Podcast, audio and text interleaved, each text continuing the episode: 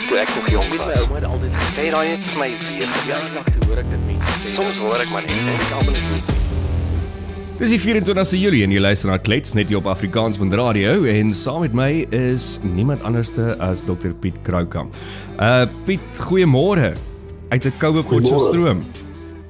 Ja, nee, dit is dis nie baie koud nie. My waarheid is ek het gevrees dit gaan baie baie kouer wees. Dit was selfs ek was in die Suid-Vrystaat gewees vir sien maar die naweek. Ja. En selfs daar was dit nie baie koud nie. Ek het vroeg soggens gestap met 'n ligte trui aan en dit was baie lekker. Ja, vir iemand wat in Pretoria bly, as jy Potchefstroom in die winter hoor, dan is dit dadelik koud. So. Ja.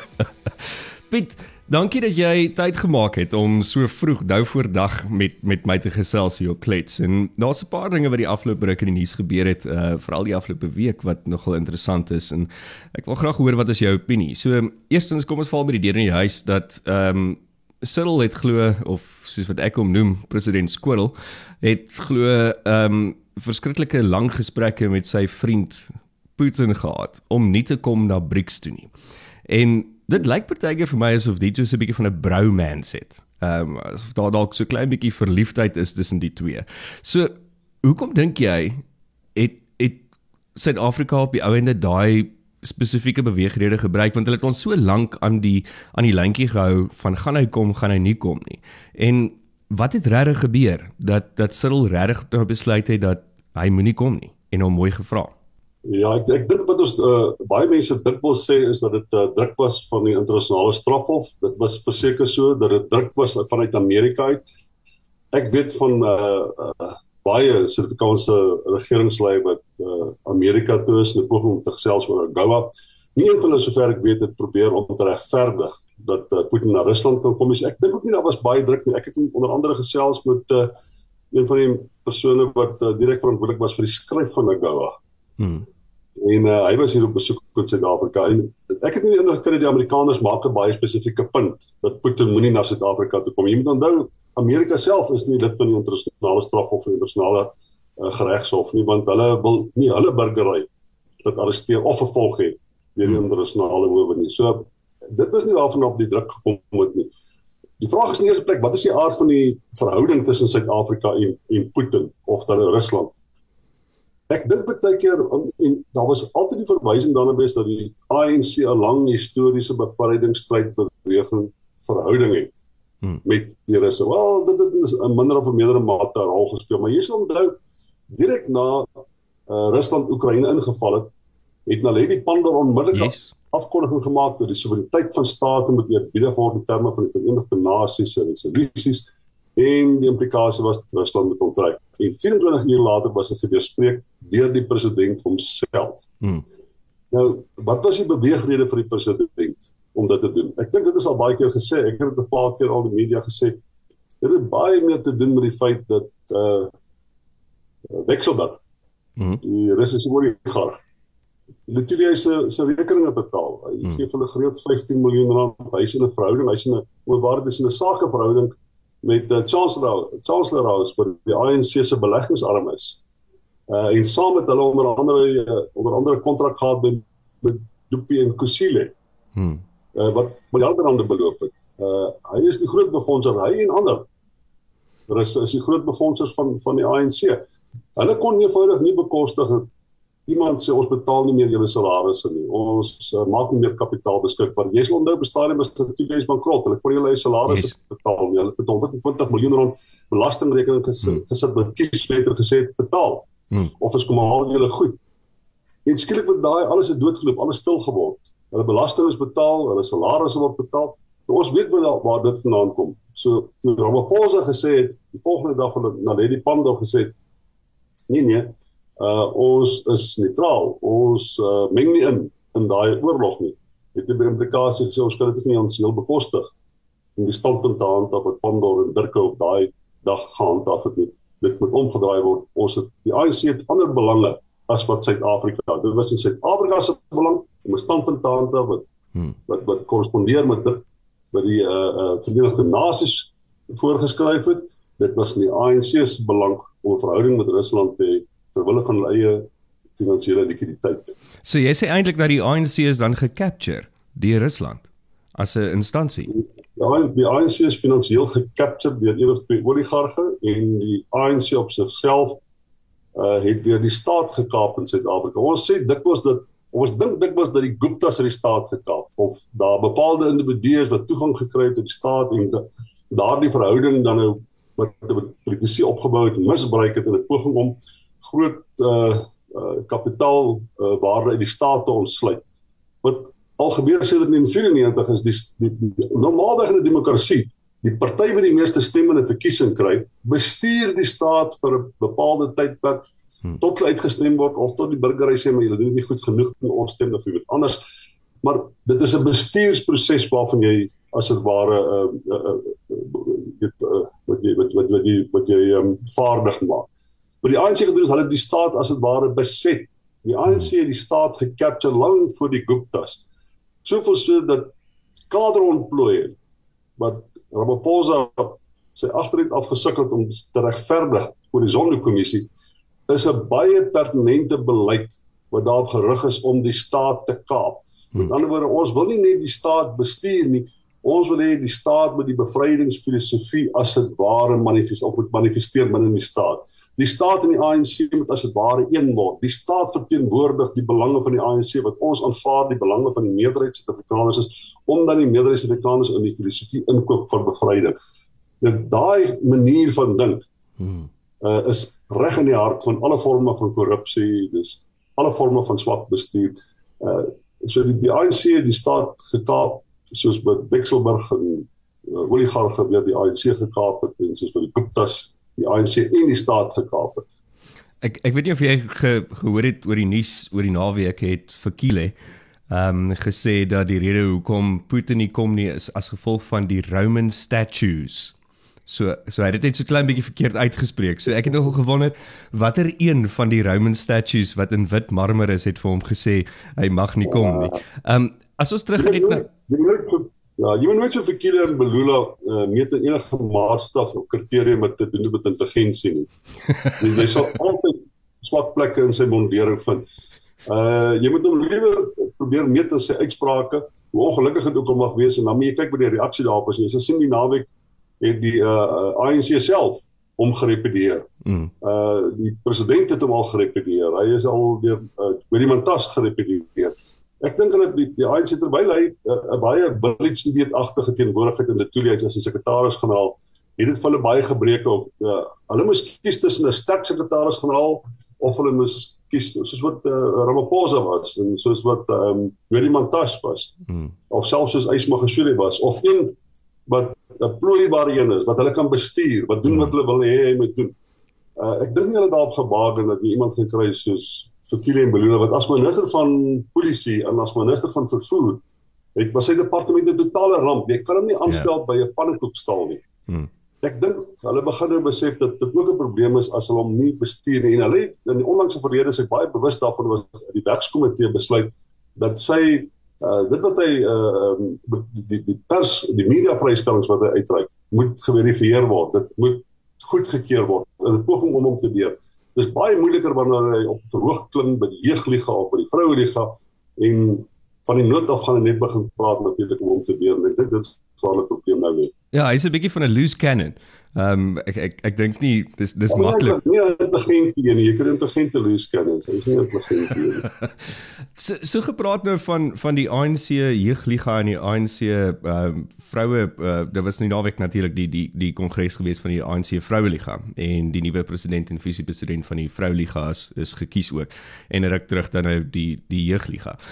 Hoe hoekom dink jy doen die ANC dit? Dit is die enigste party wat ek regtig van weet in Suid-Afrika wat so gefokus is om hierdie segregasies te hê van die ANC en dan die jeugliga en dan die vroue liga. Wat is hulle rede daarvoor en hoekom doen ander politieke eh, partye dit nie noodwendig nie? Ja, kyk die die die, die vroue liga en die jeugliga, die vakbonde was altyd noem dit nou maar die die die, die pilare van die bevrydingsbeweging. Kom al baie baie lank pad. Hmm. Uh, jy sal onthou die vroue uh, van die ANC was bekend daarvoor dat hulle apartheid teëgestaan het en yes. dat hulle opgemars het deur Johannesburg. So hulle het 'n baie pertinente rol gespeel. Ek ek dink dit is dit is een van die sterkpunte van die party in die geskiedenis gewees voor 94.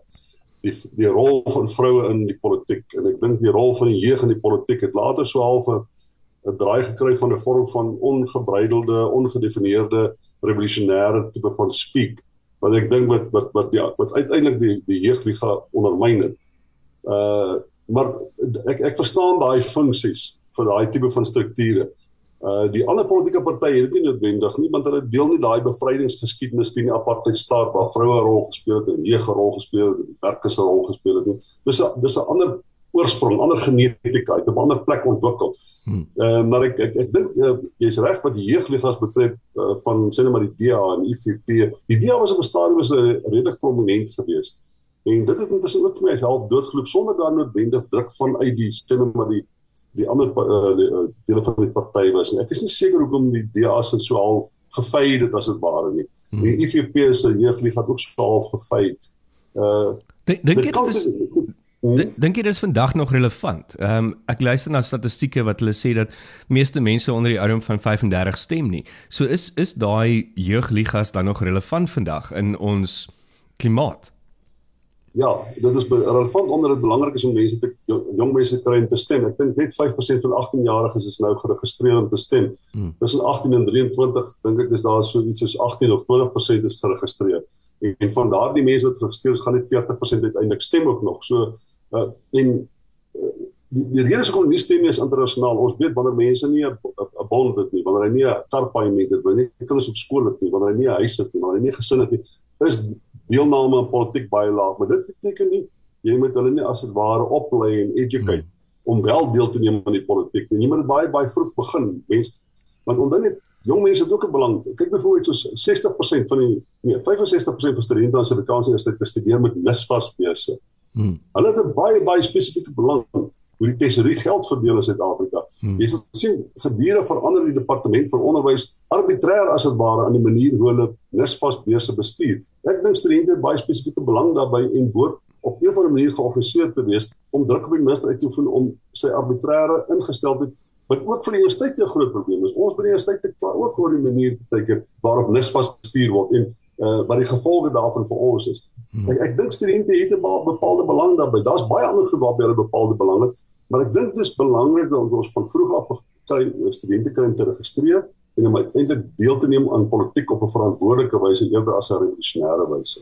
So gepraat nou van mense kry om te stem en 2024 is om die draai, dis 'n etlike paar maande weg. En mense kan alreeds begin sien hoe al die politieke partye begin om om hulle hande op te steek en sekere tipe van goeders te sê of agendas te te sê. Ehm um, jy het onlangs in die Vrye Weekblad gesê dat jy dink daar is nog verseker 5 jaar van die ANC ehm um, in in in bewind en dit is nou natuurlik na aanleiding van 'n klomp goeders wat gebeur het met Cyril Ramaphosa soos Palapala en al daai goeders wat jy wat jy gesê. Wat is jou opinie van die moonshot? Wat dink jy gaan daar gebeur? Wel, uh, ons het agter in terme van Suid-Afrikaanse wetgewing jy so min of meer 2 weke om 'n koalisie van partye na Afrika se saam te sit. En ons weet dit is eenvoudig net nie genoeg nie daar is net die partye is net uiteenlopend ideologies wat die geskiedenis betref, wat die belange betref, wat die vooruitsigte vir die toekoms betref, en 'n manier hoe hulle Suid-Afrika se toekoms karteer.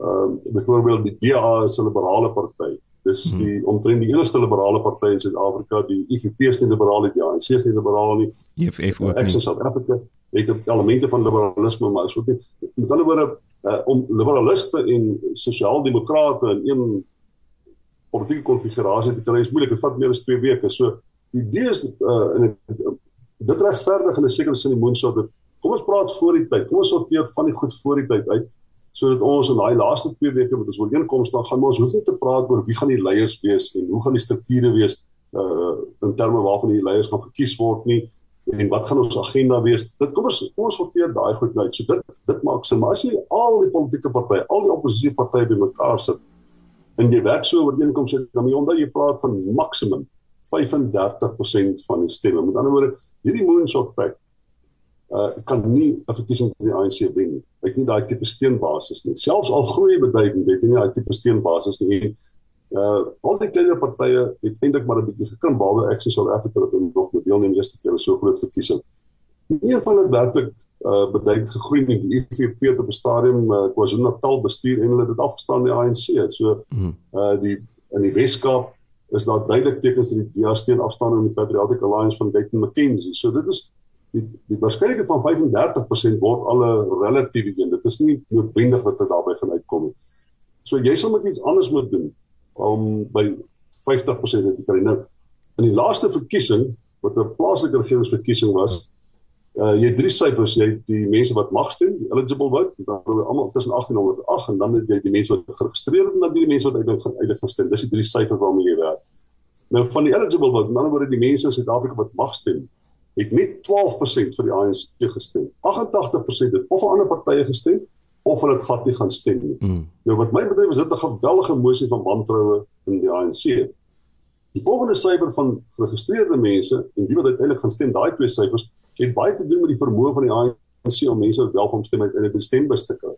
Dieselfde geld vir die DA. Die DA het normaalweg gedink in verlede hier rondom 80% van hulle steunbasis by verkiesings kry. Dit het ook weer beduidend gedaal. Ek dink is hier by 65%. Die groot vraag is hoe kry jy jou mense om te gaan stem? Ehm um, die volgende ding is nou wat maak ons met daai 15 tot wat maak ons van 35% tot 50%? Hmm. Nou dis hoekom ek dink as jy kyk dat sien so Jesus Zibi byvoorbeeld, so so so so so so ehm Rise Mzansi. Hmm. Hulle sê ons kan nie met die bestaande politieke partye verkiesing wen nie. Hulle kan nie 35% van die stem hê. Wat doen ons om te kom tot by 50%? So hulle is besig om te probeer om burgerlike samelewingsorganisasies te mobiliseer agter die gedagte dat ons beter verdien dat Suid-Afrika as 'n breër samelewing moet opstaan teen die swakhede in die ANC. Nou, Jesus stel dit baie mooi. Hy sê jy kan nie hierdie mense wat jy wil hê om vir jou moet stem. Dis mense wat buite stemming gebly. Daar's 10 of meer miljoen van hulle sal baie meer van hulle. Jy kan hulle nie vervreem van die bevrydingsbeweging nie, want dis waar hulle wortels is. Dis waar hulle ouers, hulle oumas, hulle oupas, dis 'n geskiedenis. Moenie dit doen nie. Jy kan ook nie vir hulle vervreem van die bevrydingsbeweging nie om die rede dat al stem hulle vir jou, het hulle nog steeds 'n broer en 'n suster en 'n pa en 'n oupa en 'n ouma wat nog steeds by die ANC is. Moenie probeer om 'n wig binne families in te dryf. Dis 'n baie destruktiewe manier om 'n moonshot pack of om 'n gedagte bymekaar te sit van mense met op 'n of ander manier vir alternatief tot die ANC stem. Sy idee is mens met 'n konstruktiewe beleid hê ons almal verdien beter. As jy dink na wat is daar in Suid-Afrika wat of jy wit of swart of veel groen is en of jy nou arm is of jy ryk is, wat sê jy vir jouself oor Suid-Afrika? So ons ons verdien beter as dit. Ons hmm. verdien regtig beter as dit. Ja. En ek dink dit is wat wat die gedagte. So sy idee is dat mense dan daai volgende 15% opmaak na 55% toe. Wat baie moontlik is, jy kan op dit na 60% toe.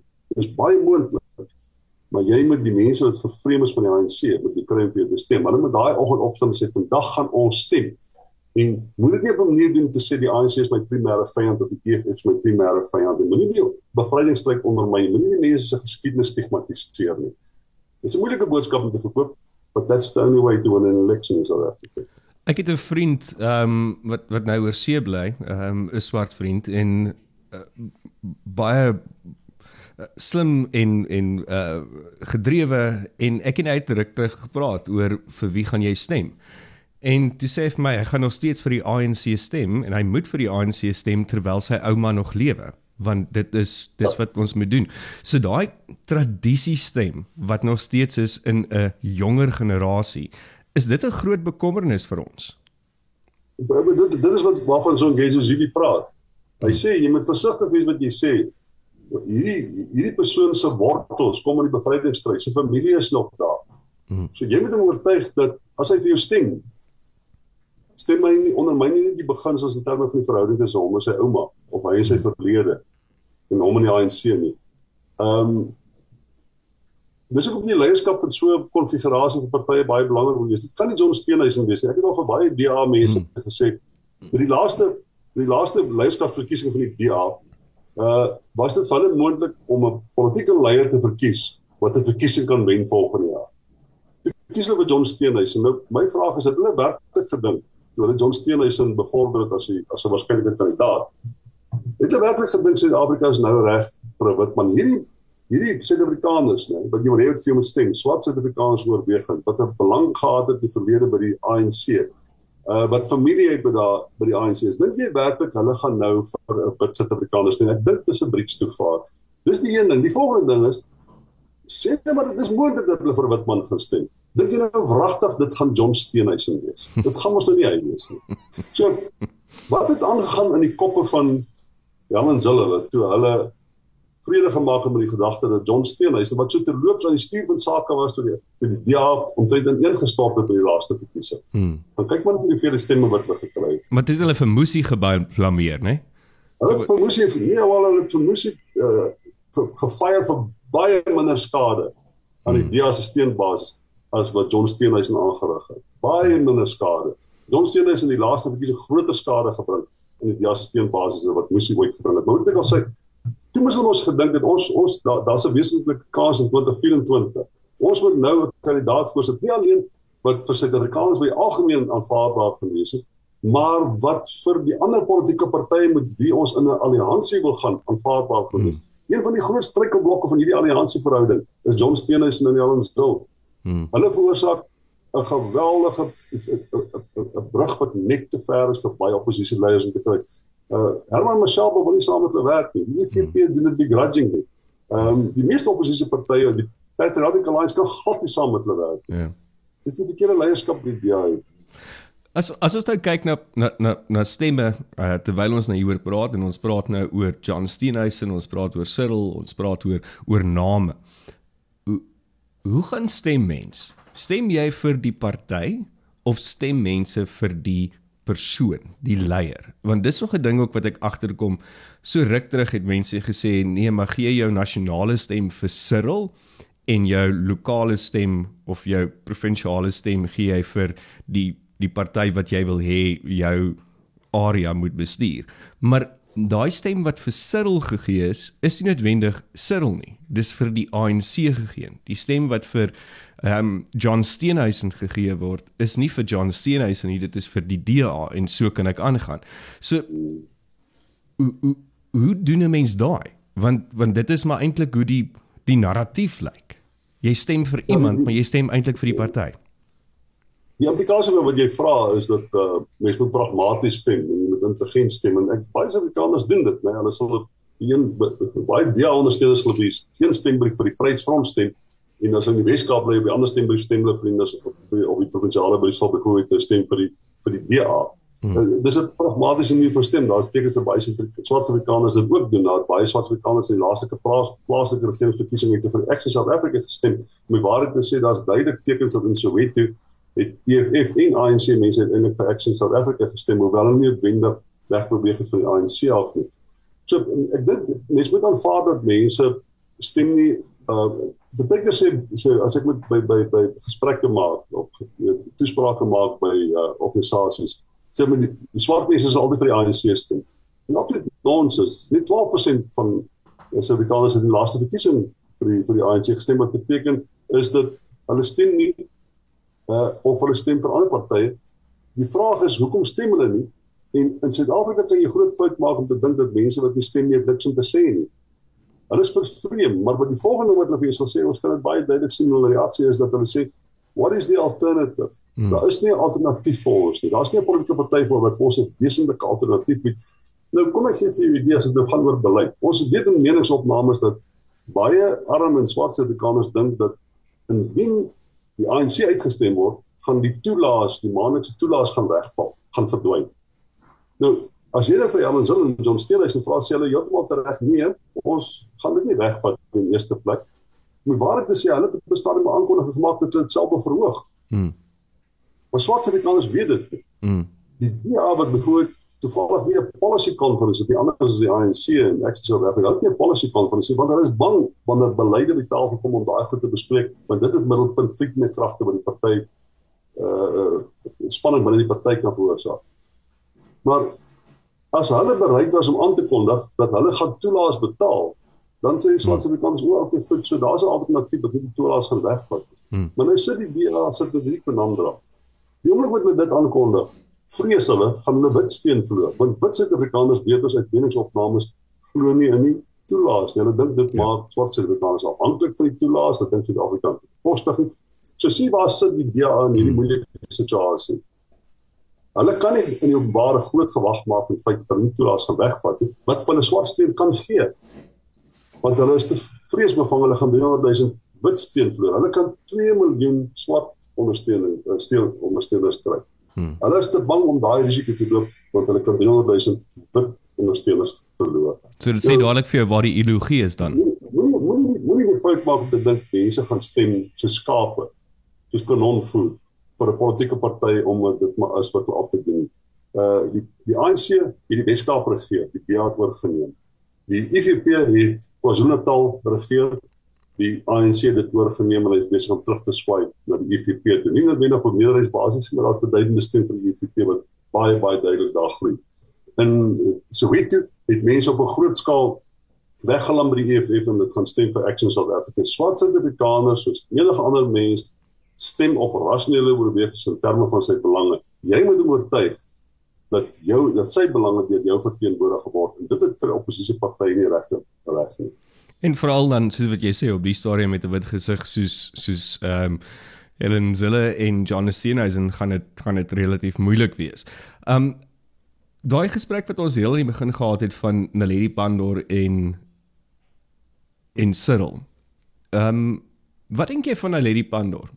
As dink dink jy as as daar 'n kans was het sy vir president sou gestem het, sy sou 'n goeie taak gewees eh, 'n uh, goeie taak gedoen het of of goed verrig het. Ja, ek sou so gedog het van ek was al ek was uh, ek was ek was een van die mense wat gehoop het dat hy onthou daar was 'n stadium wat hy gesê het maar sy is sy voorkeur kandidaat vir die hmm. presidentskap in Suid-Afrika hmm. die heel eerste die eerste keer verkies vir die ANC. Uh maar ek moet vir jou sê die manier hoe sy Dirko bestuur het na die president al gerepeteer het. Uh met die inval van Rusland in Oekraïne. Dit was 'n absolute disaster hoe Suid-Afrika se buitelandse beleid bestuur. Dan daar was dit net asof ons geen integriteit gehad het. Sy was sy selfs op 'n baie oppervlakkige siniese sarkastiese manier probeer humor maak uh oor uh, westerse buitelandse beleid deur Palestina die hele tyd te betrek wat 'n geldige argument is. Hmm. Maar moenie die moenie moenie Palestina misbruik in 'n poging om te regverdig hoekom Wexelberg die salarisse betaal in Letoile huis nie. Dit is sinies op die vlak van ja dis dis skaamteloos gewees. Hmm. En ek ek ek ek ek, ek, ek kan nie ek, ek, ek, ek het van baie min ANC ministers te hoë verwagtinge. Ek het baie hoë verwagtinge gehad en sy was 'n bitter bitter teleurstelling geweest. Ja, selfs groter as Provin Gordon wat ek wat wat wat ook seer ernstige foute gemaak het in sy oordeel. Maar uh, hy sy was my groot teleurstelling. Ek is uh, ek hoop dat as jy eintlik dink dan is die einde van haar loopbaan aan die einde van die tweede termyn van die ANC. Sy's sy's sy's uit afgeleef en moedeloos. Piet, ehm um, die afgelope ruk en ek dink dit was gister gewees is die Blou Rig Brigade manne wat die wat die persone aangeval het op die N1 is nou uiteindelik ehm um, agter tralies. Hoe hoe beïnvloed daai iemand soos Mashatile se rol? Want dit was tog sy mense wat hierdie gedoen het. Is is is dit waarmee ons sit op die stadium wat ons sit met leiers wat sulke goeders toelaat? Ja, kyk jy moet jy Mashatile het eintlik niks met dit te doen nie, hè. Hy dit is mense wat hom vervoer. Hmm. Uh die Loulig Brigade is deel van die presidentsiële beskermingseenheid daai spesifieke groep en hulle word totaal onafhanklik bestuur. Uh, mense soos Wally Rode, is iemand wat blameer blameer vir Wally Rode. Dis die mense wat in beheer is van daai Loulig Loulig Brigade en wat 'n swak opleiding. Dis 'n eenvoudige swak opleiding. Dis uh, enige opleiding van iemand wat 'n wapen dra oral in die wêreld kry wat is die waardes wat ek verteenwoordig wanneer ek hierdie wapen dra en wanneer ek hom gebruik. Uh jy word in terme van as jy weermag is die internasionale konvensie van wat is die gedrag wat jy openbaar weens 'n gevangene. Dieselfde hierdie mense word opgelei en gesê uh, hoe arresteer jy iemand? Hoe erken jy iemand se regte binne die grondwet wanneer jy iemand arresteer? Nou, dit is mos nou swak opleiding, dis die een ding. Die tweede ding is onder daardie swak bestuur is en wanneer hulle kan nie is sê ja, hy sou die bestuur vermoed het onder 'n swak opleiding en swak bestuur is, begin daar 'n magsbesef pos van by mense wat dink hulle kan enigiets doen, hulle kan daarmee wegkom. En in Suid-Afrika moet jy erken, as jy krimineel is, kom jy daarmee weg. Net 1%, net 1% van polisie, polisie manne en vroue wat beskuldig maak in 'n vorm van vergrype, uiteindelik word daarvan word uiteindelik daarvan verantwoordelik gehou. Net 1%. Daar's van hulle wat vir dissiplinêre hore verskyn, daar's party van hulle wat aangekla word, daar's party van hulle wat uh deur die bestuur op 'n of ander manier uh, verstok gekry word 1% betaal eintlik die pryse wat hulle doen. Dit is nie verantwoordbaarheid. Dit beteken hierdie mense is buite beheer. Hulle word beskerm deur die stelsel. Die dokkers raak weg, hulle word nooit aangekla nie. Hulle bestuurders beskerm hulle. Uh dit is deel van die korrupsie wat tipies vaardig in die ANC is. Dis die gevoel van ons word nie verantwoordelik gehou nie wat tipies vaardig is binne die ANC. Maar dink jy die deel wat die, rede hoekom daar hoë misdaad in Suid-Afrika is. Dit is deel van die redes hoekom daar hoë misdaad is. Hierdie mense word nie behoorlik opgelei nie, hulle word nie verantwoordelik gehou nie, hulle word nie geleer hoe dit is, hoe wanneer jy mag wanneer jy wapen het, hoe tree jy teenoor die burgery op nie. Want jy's nie in 'n fasistiese staat nie, jy's nie in 'n totalitêre staat nie, jy's in 'n demokratiese staat waar mense regte het. En ek is bly daar was so ontsaglik druk as as hierdie mense nie afgeneem was op 'n kamera nie, kon hierdie persone maar klag gelê as hulle ja. van gekom het. Ja. Dit is nie openbare druk wat hierdie ding teweeg gebring het. Maar dink jy daai sou die perfect moment gewees het vir Mashatile om om dit as 'n PR moment te gebruik het nie want sy, sy footprint en steuning is eintlik maar hoofsaaklik net in Gauteng baie groot. Hy het nie regtig groot ehm um, steunings in soos die Wes-Kaap, KZN, uh, vry, uh, Vrystaat, daai goeters Limpopo. En as hy as die visiepresident opgestaan het en druk geplaas het op die Blourig Brigade om hierdie mense ehm um, vroeër die stok voor die stuur dra en en te sê hulle moet aangekla word en vervolg word want dit is tog deel van die mense wat hom moes vervoer en na hom kyk. Dink jy dit sou 'n perfect PR moment gewees het wat hy heeltemal gewaste het nie? Ja, maar ek kon dit verkeerd gebruik het as hy gedoen het as jy jou voorstel want jy wil nie politici moet vir die polisie sê wie hulle moet aankla nie. Jy wil dit verdoem en sê hierdie tipe gedrag kan nie geduld word nie. Dit moes nooit gebeur het nie. Hmm. Jy, dit is wat jy kan sê. En hy moet dit so hard as moontlik sê en hy sê sit hy moet sê Suid-Afrikaners verdien nie om na sy pad deur mense met wapens mishandel te word nie. Hy wil nie sê hulle moet aangekla word nie, want jy wil nie die uitvoerende gesag moet in daardie funksies inmeng nie, want dis hmm. anders begin politici dadelik besluit wie moet aangekla word en wie moet nie aangekla word nie. So hy moet versigtig wees wat hy sê. Maar hy kon die sterk wees, 100% reg, hy kon die sterkste moontlike boodskap uit uitgestuur het en sê dit gebeur nie in ons naam nie. Ons is 'n demokrasie. Ons doen nie seker goed nie. Hallo Piet, is jy nog daar? Persoon. Jy kan dit nie suits in so iemand doen nie. Dis wat hy moes gesê het. Maar om vir die polisie te sê jy moet daai mense arresteer, jy moet daai klagte teen daai mense lê. Dit moet hy asseblief nie gedoen want ons wil nie hê politici moet dink hulle daai tipe mag om te besluit wie se daar kan word aangekla nie. Hmm. Piet, Uh dit dit was 'n ongelooflike interessante gesprek en ek kan nog nog ure met jou met jou sit en praat oor hierdie goeters. Dalk die laaste vraag van my kant af is um die die hele AGOA um in in Suid-Afrika se verbintenis Amerika met met die stand van sake tans. Ons het nou onlangs gehoor daar's niks sinister in Lady R nie. Um alhoewel ek weet nie of ons dit reg kan glo wat in die verslag staan nie of wat gesê is nie. Maar Dink jy daar is nog 'n moontlikheid dat daar stil sanksies of wel sanksies teen Suid-Afrika gaan inkom van 'n uh, Amerika en 'n Europese ehm um, druk af as gevolg ja. van ons verhouding met Rusland? Ja, daar sal nie sekondêre sanksies. Daar sal skat teen bepaalde vliegskole in Suid-Afrika sekondêre sanksies want die uh, ons lei by van ons vliegskole lei ons Chinese vlieëniers op. Hmm. En van daai vlieëniers word opgelei met mense wat uh, voetspore in westerse opleidingsskole in Brittanje, Amerika party in Suid-Afrika. Met ander woorde, ons gebruik mense met 'n militêre agtergrond om mense om Chinese op te lei by vliegskole. Dit is basiese opleiding, né? Baie basiese opleiding uh uh om en as goeie motiverings daarvoor hulle moet in uh, buitelandse kondisies vlieg hulle moet vlieg in 'n wêreld waar die jurisdiksie uh, Engels is want dit is waar jy internasionaal kan vlieg as goeie motiverings daarvoor maar daar is sulke sanksies hulle noem dit sekondêre sanksies Hmm. Ons kan verwag dat die Amerikaners sal sekondêre sanksies toepas teen Suid-Afrika. Ek kan nie dink vir die op die op die stadium is dit glad nie te sprake primêre sanksies teen Suid-Afrika nie. En ons doen ook baie moeite om die primêre sanksies te ondermyn. Ons kan niks doen aan sekondêre sanksies nie want ons kan vir die vliegskole sê hulle doen wat hulle doen is nie onwettig nie. Die Amerikaners voel dit met dit ondermyn hulle belange. Uh maar die vraag is oor die Suid-Afrikaanse wetgewing nie hulle doen nie. Hulle die Kaapse wetgewing. So dis baie moeilik om sekondêre sanksies te keer. Maar primêre sanksies, die dit nie ter sprake nie. Ons kan waarskynlik daar sekerre kans dat ons van uit die AGOA ooreenkoms geskop sal word, maar hulle sal nie die motiverings gebruik wat ons dink. Hulle sê julle verhouding met Rusland is redelik moet julle uit AGOA uitskop nie. Hulle sal sê julle is nie meer 'n Afrika land wat in terme van die definisie uh in hierdie ooreenkoms behoort te wees nie. Hmm. Uh so ons ons loop sekere gevare, ek dink hier rondom 18% van ons handel het direk te doen met AGOA, bepaalde voordele daar kry is uit uit miljarde. Maar die groter boodskap daar is dat uh indien dit die rede is oor hoekom ons uit AGOA uitgeskop word, uh die groter boodskap daar is dat ons uh, risiko's neem met internasionale verhoudings wat in 'n ekonomie wat nie groei nie, in 'n ekonomie wat geweldig hoë werkloosheid geken word, my deur gekenmerk word, waar daar geweldige groot armoede is, loop ons politieke risiko's met ekonomiese werklikhede wat mense hulle lewende werk gaan kos het. En dit is dit is gaan oor die manier hoe die staat oor oor, oor hierdie goed dink. En dis is dis dit dis redes vir emosie van wantroue. Uh dit ons moet dit kwantifiseer sien nie, maar dis eintlik 'n baie klein deeltjie van 'n uh, monetêre voordeel wat ons kyk hierdie verhoudings uit. Dit gaan oor die roekeloosheid van die staat, maar dit gaan oor mense se lewens want daar gaan mense hulle werk verloor. Nie honderde duisende nie, maar mense sal hulle werk verloor. Nou die Suid-Afrikaanse ekonomie gaan skade kry. Dit gaan ons ekonomiese groei nog verder inhibeer. Hmm. En uh alles omdat daar 'n politieke uh, onwilligheid is om die regte ding op die regte tyd te doen.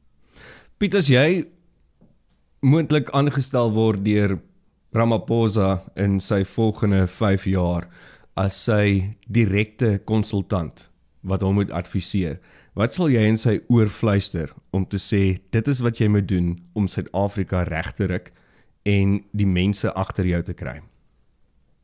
Ek uh, tog moet ek dieselfde vraag vir uh, vir uh, van Sou Slabber gevra. As jy president word, vra hy hom wat sal jy doen? En van Sou Slabber sê van ek sal my omsing met mense wat die kompleksiteit van die ekonomie goed verstaan. Want ek is die politieke leier. Ek sal my omring met mense wat bepaalde aspekte van beleid beter as ek verstaan en Thabo Mbeki vir die volgende 5 jaar nie weer met met met uh wat sou sal het gepraat nie. Ek sal vir die president sê, net 'n miljardêr geword sonder om ooit in jou lewe enige risiko te neem met kapitaal. Jy weet nie wat dit neem om 'n rand te spandeer teen 'n risiko om 'n volgende rand te maak nie. Dis hoekom jy nie ekonomiese groei verstaan nie. Stel vir jou kabinet saam van mense wat ingerig is wat ekonomie ekonomiese groei verstaan en dan neem jy hulle advies advies ernstig op. Met ander woorde, jy doen wat hulle vir jou sê. Want jy het net 'n politieke begrip. Jy is net 'n meesterpatronaat wat bevoordeel is deur groot mynmaatskappye. Uh, omdat jy 'n politieke verbintenis met die bevrydingsstryd vir hulle gegee het. Jy weet nie hoe dit is om geld te maak nie. Jy weet nie hoe dit is om risiko te loop nie en ekonomiese groei word vooraf gegaan deur risiko. Hmm. Mense wat nie risiko kan neem nie, verstaan nie ekonomiese groei en jy is nie van hulle. Hmm. Wel, ek dink dis goeie raad daai. Piet, ongelooflik baie dankie vir jou tyd. Ehm um, ek sien uit om binnekort gou weer met jou te gesels. Jy moet 'n heerlike dag verder hê en dan chat ons gou weer. Dankie vir die Dankie. Dit was Letsie 24 Julie net hier op Afrikaans met radio. Dankie dat jy geluister het. Deel, share en môre is ons terug. Kyk, toe ek nog jong was, my ouma het altyd gesê daai het vir my weer. Ja, ek hoor ek dit mense. Soms hoor ek maar net en ek almal is